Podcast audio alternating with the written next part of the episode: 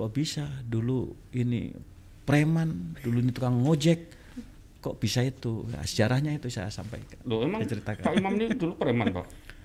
Eh, latar belakang memang begitu. Hmm. Jadi artinya preman yang meluruskan. Wah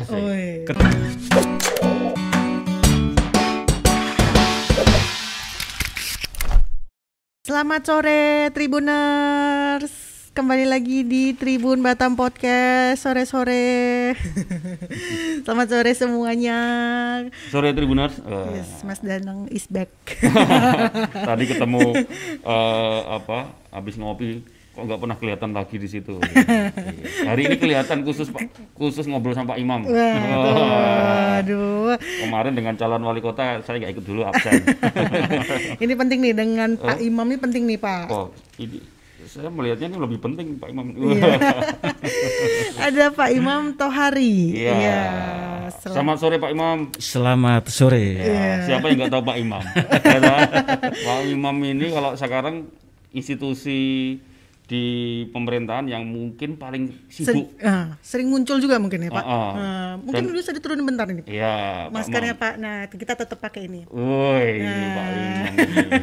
Kalau di luar beliau Iya. mengamankan siapa nih yang nggak pakai masker. Nah, Nah. sini Pak, aman dulu sebentar Pak, Iya. kita yang pakai. Iya. Dan orang jodoh pasti tahu Pak Imam nih. Hah? iya ya Pak. Iya. Familiar banget ya Pak. Iya. Enggak mak- maksudnya Pak Imam ini dulu itu lurah jodoh nih. Lurah jodoh. Enggak tahu kan? Iya. Enggak. Eh, Iya ya Pak. Ya, Oh, oke. nah, Pak Imam Nah. itu mantan lurah jodoh nih. Iya. Nanti ngobrol-ngobrol kita ya. Iya, iya, iya. Nah, kalau Pak Imam Tohari ini sebenarnya adalah Kabit Trantip ya, Ketentri- Ketentraman Ketentraman. dan Ketertiban Satuan Polisi Pamung Praja Iya. atau Satpol PP Batam. Iya, betul Pak. betul. Ah, kalau Betul salah sekali. kalau salah kita ditertibkan Pak. Siap ditertibkan, Pak. Mm-mm. Nah, ke- tadi kalau dibilang lurah itu kapan, Pak? Iya. Terima kasih sebelumnya eh, kami mewakili dari Satuan Polisi Pamung Praja diundang oleh Tribum ini dalam rangka tentu untuk memberikan pemahaman Ya. terkait dengan tugas-tugas Satuan Polisi Pamung Praja. Oke. Ya. Terkait yang ditanyakan tadi, memang eh, saya Lurah Sungai Jodoh itu tahun 2012 2012. 2012 sampai, sampai 2017. sampai 2017. Saya kelurnya 2010. Apa tuh, Saya, Pak? saya kelur, sekretaris lurah. Oh. Sebelum jadi lurah, sekretaris lurah, Heeh. terus dipercaya sama Pak Wali Kota untuk menjadi lurah di wilayah Kelurahan Sungai Jodoh. Oh. 2012 sampai 2017. 17. Oh, berarti Ya. dua wali kota ya, Pak? Satu. Ya, Eh, Ahmad Dahlan, Pak Ahmad Dahlan, Pak Ahmad Dahlan, Rudi. Pak Rudi. Ya. Waktu Pak Rudi, beliau di, diangkat jadi kabit. Enggak, Kabit, setelah kabit, setelah ya. lurah langsung kabit. Dipercaya langsung Kabit Ketentraman dan Ketertiban Umum Satpol PP. Tantri. Sampai sekarang ini, Kota Pak ya. Batam sampai sekarang. Oke. Oh. Pak, mungkin bi- biar teman-teman Tribuners tahu, kabit trantip itu apa, ngapain? Ya, apa dan ngapain, Pak? Iya. Terima kasih saya perlu saya jelaskan, saya sampaikan kepada seluruh eh, masyarakat dan pemirsa bahwa Kepala Bidang Ketentraman dan Ketertiban Umum itu melekat kepada seluruh masyarakat yang ada di Kota Batam. Terkecuali itu mengarah ke pidana, itu adalah domain Satuan Polisi Pamung Praja. Mm-mm. domainnya. Bahkan kucing bertengkar pun apabila masyarakat itu melapor, kewajiban kita untuk turun untuk menyelesaikan. ya, memang begitu. Ya, buat teman-teman dan yang ketertiban umum. Oh iya, itu, itu. termasuk ini ya menja- meng- Iya. mengacaukan ketertiban Oh ya. ya, Pak? Iya, karena aku sering nih, Pak, Pak Imam. Kalau tidur tuh ada berisik kucing itu, Nah. ternyata keluar-keluar kucing mau mau itu, mau kawin. itu bisa dilaporkan Iya. karena mengganggu ketertiban dan Keterteraman, ketentraman. keterteraman. itu domainnya. Pak Imam. itu termasuk tugas dari kabit ya. Iya. Sebenarnya satuan polisinya. Satuan Sat- Polisi Merpaja. Oh. Bidangnya ada di kami. Oke. Bidangnya. Nah, nanti soal tugas bunganya kita kita Nanti kita ya, mendalam lagi, lagi. nih, Pak. Kalau Bapak memang aslinya sini, Pak. Tapi Saya asli eh, dari Jawa Timur, Jawa Timur. Hmm. dari Tulungagung, Tulungagung, Tulungagung Jawa Timur nih. Tulung Agung, Jawa Timur. Jawa Timur. Hmm. Tapi kalau di Batamnya, Pak, Di Batamnya eh, sudah dari 2092. dua, ri- ah, 92. Oh, Oke, saya kira 2092 belum nih Enggak. Masih 92. 92. Loh, 92. Kok berarti kan Pak Imam ini kan ASN ya? Iya. Sejak eh, tadi 92, terus eh, masuk ASN berarti Pak Imam itu lulusan apa, Pak? Izin kalau ditanya pribadi panjang ditanya, tapi yang pasti eh, saya 2004 saya kuliah, tapi saya honor dulu. Oke. Oke. Masih honor. Oke. Selesai 2008, saya 2007 diangkat jadi PNS. Hmm. Saya sekolah penyesuaian 2009 ijazah saya. Saya sekolah lagi. Menyangkut dengan itu saya S2. Oh. 2011 selesai S2. S2-nya. Wih.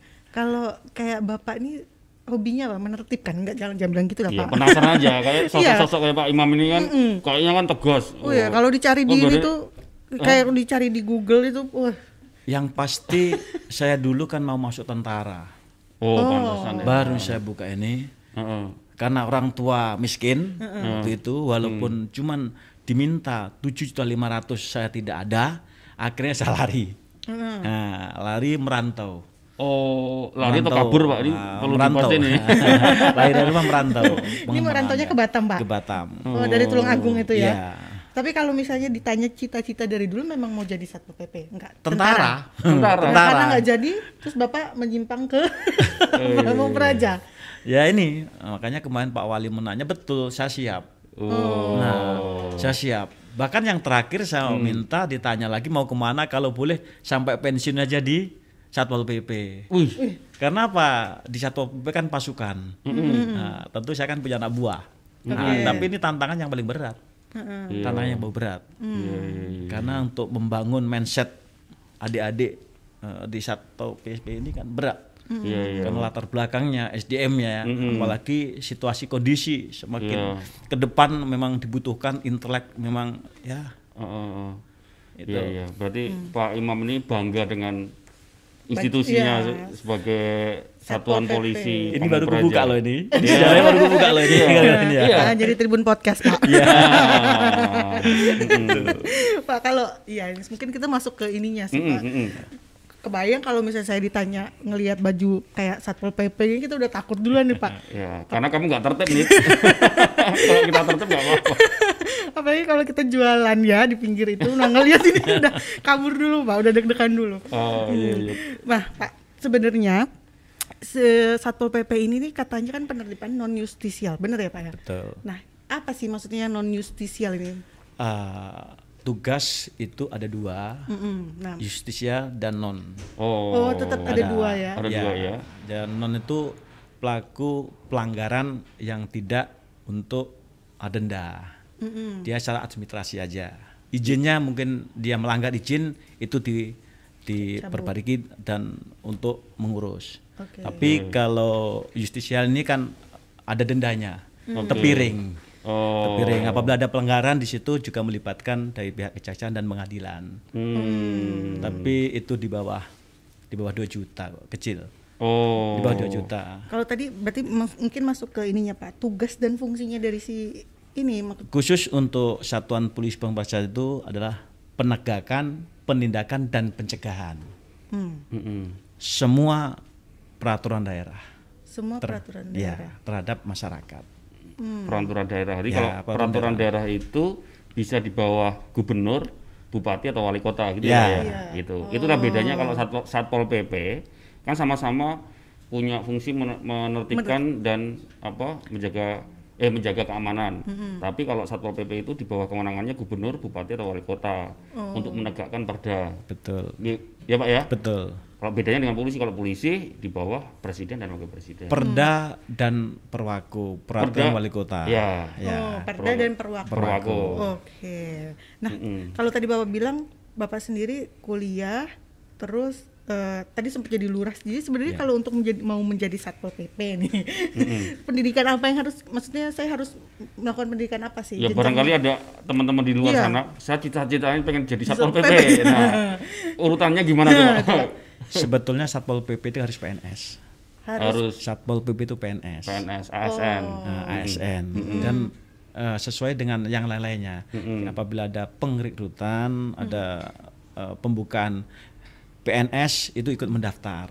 Oh tapi memang ada pak ya pak ketika ada rekrutan itu yang memang juga ada yang memang langsung ke ke satpol pp ada ya? Eh, kalau dibuka untuk itu juga ada, tapi biasanya itu beberapa tahun ini khusus yang satpol itu diisi dengan honor, Oh, honor, honor kontrak kemarin itu. oh menurut kontrak. Ada beberapa beberapa kali kita untuk memenuhi kuota, Hmm. kuota kota Batam penduduk sekian, satpol pp harus sekian, itu sudah ada hitung hitungannya. Hmm. Tapi eh, karena kalau kebutuhan aset banyak nanti yang lain nggak tercover, Mm-mm. makanya ada pemikiran untuk mengisi untuk honor dulu honor. Pak Imam tahu nggak pak di Batam tuh untuk apa pemerintah kota Batam tuh satpol pp-nya ada berapa anggota? Sudah kemarin sudah sampai 730, Oh, honornya sendiri 500. oh, itu honor. honor. Sendiri yang sempat sempat ribut-ribut kemarin. Itu itu memang ada proses yang memang tidak terlewatkan. Dan ada hal pihak-pihak ketiga yang mungkin memanfaatkan itu tadi. Dan yang pasti yang sesuai dengan aturan adalah 500 oke. 500 ditambah dengan yang sudah PNS itu ada 200 sekian. Jadi 700 sekian lah. Itu. Tapi sekarang ini karena kita memberikan ruang bagi mereka yang yang honor ini untuk mengikuti apabila ada pembukaan PNS, ada beberapa yang sudah. Oh, Ada beberapa yang sudah, juga ada beberapa yang pindah. Mungkin tidak cocok di Satpol, ada peluang yang lain monggo silahkan. oh tetap ada jenjang untuk bisa jadi PNS ASN ya buat Bisa, teman-teman yang honorer bisa, itu pak ya. Bisa. Oh, Nah kalau tadi misalnya udah kita harus PNS dulu nih Pak. Iya. Nah kemudian adakah training maksudnya diklat untuk pendidikannya sendiri ke? Ada, ada. Nanti dari Kemendagri itu ada surat, ada surat dikirimkan ke masing-masing daerah eh, tentang siapa yang belum diklat, diklatsar. hmm, diklat sar. Ya, diklatsar. Nanti mengikutkan. Kita sesuai dengan permintaan, karena kan menyangkut anggaran. Mm-mm. Hmm, berapa lama itu Pak? Itu ada yang dua minggu, ada yang tiga minggu, sesuai dengan permintaan. Itu kan yang mengadakan eh, Kemendagri. Tapi kalau dari kota sendiri yang awalnya saya juga angkatan pertama di Kota Batam untuk diksarnya Untuk diklat. ya 2001. Diksarnya juga kayak kayak militer gitu pak, semi ya, militer gitu pak. semi militer. Cuman kita cuma dua minggu, dua minggu labelnya. Iya iya. iya. Ini saya bingung Bapak ini maksudnya waktu diksar pertama dia lu- Bapak lurah ya? Ah, belum. oh itu belum lurah? belum, belum. Tapi saya itu per- masih saya masih eh, pertama, pertama 2001 angkatan pertama saya mendapatkan SK. Hmm. Kebetulan saya dulu adalah Pamdal, Apa tuh pak? Peng- eh, pengamanan dalam DPRD Kota Batam. Oh. Saya dulu honor, honor ceritanya honor saya, terus ditempatkan di DPRD. Tahun 2001 saya mendapatkan SK Pak Wali Kota, SK honor daerah. Habis itu 2005 ada pengumuman waktu itu Mendagrinya adalah Taufik Effendi bahwa honor harus diangkat menjadi PNS. Hmm. Tahapan 2006 saya tidak ikut masuk, 2007 saya masuk honor, masuk menjadi PNS. Ya, Iya iya ada ininya. panjang ternyata. Panjang. Panjang ya. cerita panjang kalau bagaimana orang semua pada bingung teman-teman loh. Kok bisa dulu ini preman, dulu ini tukang ngojek, kok bisa itu? Nah, sejarahnya itu saya sampaikan. Loh emang Saya ceritakan. Pak Imam ini dulu preman pak? Eh, latar belakang memang begitu. Hmm. Jadi artinya preman yang meluruskan. Wah. Kerjaannya memang tiap hari diperkelai. Memang era 93, 45 sampai 98 itu kan untuk khusus di Batam. Itu kan banyak eh, begitu perubahan 98 itu kan berdiri yang di mana-mana ya. Yang pungli yang macam-macam. Saya tukang ojek dulunya, Mas. Oh. tukang ojek, tapi dengan adanya teman-teman yang di pangkalan sering ditodong, kita bangkit. Kita bangkit, ya, kita luruskan semuanya itu, ya alhamdulillah lurus, semua lurus. Akhirnya bertemulah ceritanya ini dengan sekarang yang sering dipanggil Romo, Nah, Pak Suryo. Wah, ini Oke. guben, eh, DPRD pertama. Oh. Nah ini ini cerita panjang nih ya, Nah, panjang dari, dari situ, dari situ makanya Romo pesan saya dipanggil, saya ingat sampai sekarang saya pegang itu bahwa le orang punya duit tidak punya status apa, Mm-mm. saya berpikir Mm-mm. orang hebat orang kuat tidak punya status apa. Mm-mm. Udah kamu masuk aja. Cuman begitu dulu. Makanya saya masuk ke DPRD. Jadi honor. Oh, jadi honor. Nah, tapi ditugaskan menjadi pamdal. Karena saya latar belakang dari lapangan, ya cuman menangani demo-demo aja. Kalau begitu ada demo kita di depan ya udah tahu semua itulah. udah kenal. Eh, Udah kenal. Nah, udah. Konco dewe. Ya. Masa ribut. Udah itu. Jadi kalau saat turun ke lapangan Pak, maksudnya apa kelengkapan yang harus di pakai? Ada. Apabila kita turun ke lapangan, yang pertama adalah sprint.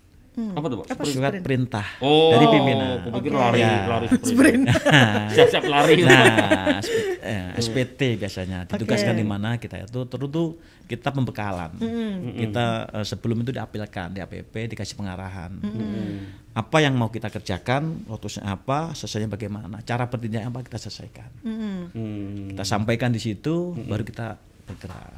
Tentu selama ini memang pembekalan kita hampir sama dengan TNI Polri, ada tameng, ada tongkat, ada helm aja tuh. Hmm. tongkat dan helm. Tongkat dan helm. Apabila nanti instalasi itu memang rawan, itu memang itu dipersiapkan. Tapi kalau kekeluargaan yang selama ini, ya alhamdulillah Hmm. berkat edukasi selesai semuanya, tidak sampai kita membawa bekal-bekal yang seperti yang saya sampaikan tadi. Iya, iya.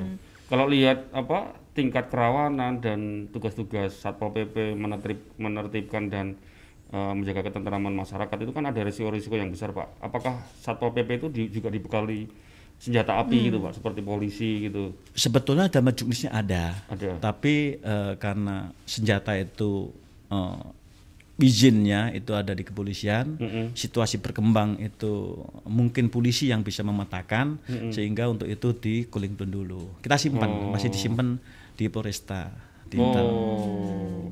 Maksudnya Untuk senjata, senjata. Pak Imam disimpan itu. Ya.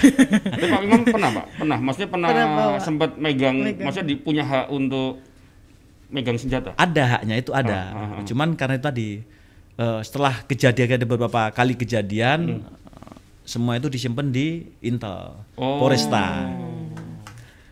Kalau gitu, untuk- iya, Untuk meminimalkan resiko-resiko anu yang ya. tidak diinginkan. Tidak diinginkan Ya. ya. Iya, iya, iya. Karena waktu itu kan eh, mohon maaf juga banyak yang bergesekan Iya. dengan yang lain sehingga lebih baik itu oh, diamankan dulu lah. Oh, iya, iya, iya. kalau misalnya ada mungkin tadi Tribuners kan udah tahu nih pendidikannya Pak. Iya. Nah kalau untuk yang disiapkan mental kalau mau jadi pramong praja ini, maksudnya mau jadi satpol pp, Mm-mm. sikap seperti apa sih? Yang pasti semua sama itu karena ASN Mm-mm. Nah, tentu eh, mental yang yang baik dan tentu kan ditanya kepada jati dirinya sendiri. Tidak sembarangan masuk satpol pp cuman untuk gagah-gagahan tidak bisa, tidak bisa. Tapi harus attitude-nya juga harus kita ada, niat kita ada. Saya masuk tujuannya apa? Mm-mm. Kalau tujuan untuk gagah nggak bisa. Karena yaitu tadi di satpol ini benar aja salah. Apalagi kita Salah. bertindak yang salah atau mencerminkan sikap yang tidak pasti berat. Berat, Benar aja salah, apalagi salah gitu ya Pak. apalagi salah. Mm-mm. Bener, bener, tapi dilihatnya kadang salah. Salah. Ya, betul, betul. Iya. Nah, kalau jadi kalau misalnya ditanya kan kalau kita ada achievement ya Pak dalam Iya, kerja. apa, indikator Indi- suksesnya. Iya, indikator suksesnya ini apa? Ya. Kalau dibilang misalkan Pak Pak Imam ini sukses dalam bekerja sebagai kabit eh, Satpol PP. PP. Itu dibilang sukses tuh ketika apa, Pak? Bagi kami yang menanggung jawab di lapangan, sukses itu apabila saat penertiban kita bisa memberi pengertian kepada masyarakat yang ditertibkan bahwa itu salah. Itu bagian sukses yang paling tinggi bagi saya nilainya. Di samping dengan eh, lokus yang apa yang mau kita tertibkan. Yang pasti yang selama ini saya alamin bagaimana saat kita menertibkan ini memberikan pemahaman kepada masyarakat agar dia mengerti dan menyadari bahwa apa yang mereka lakukan salah. Nah, itu yang paling penting sehingga dalam pelaksanaan itu enak.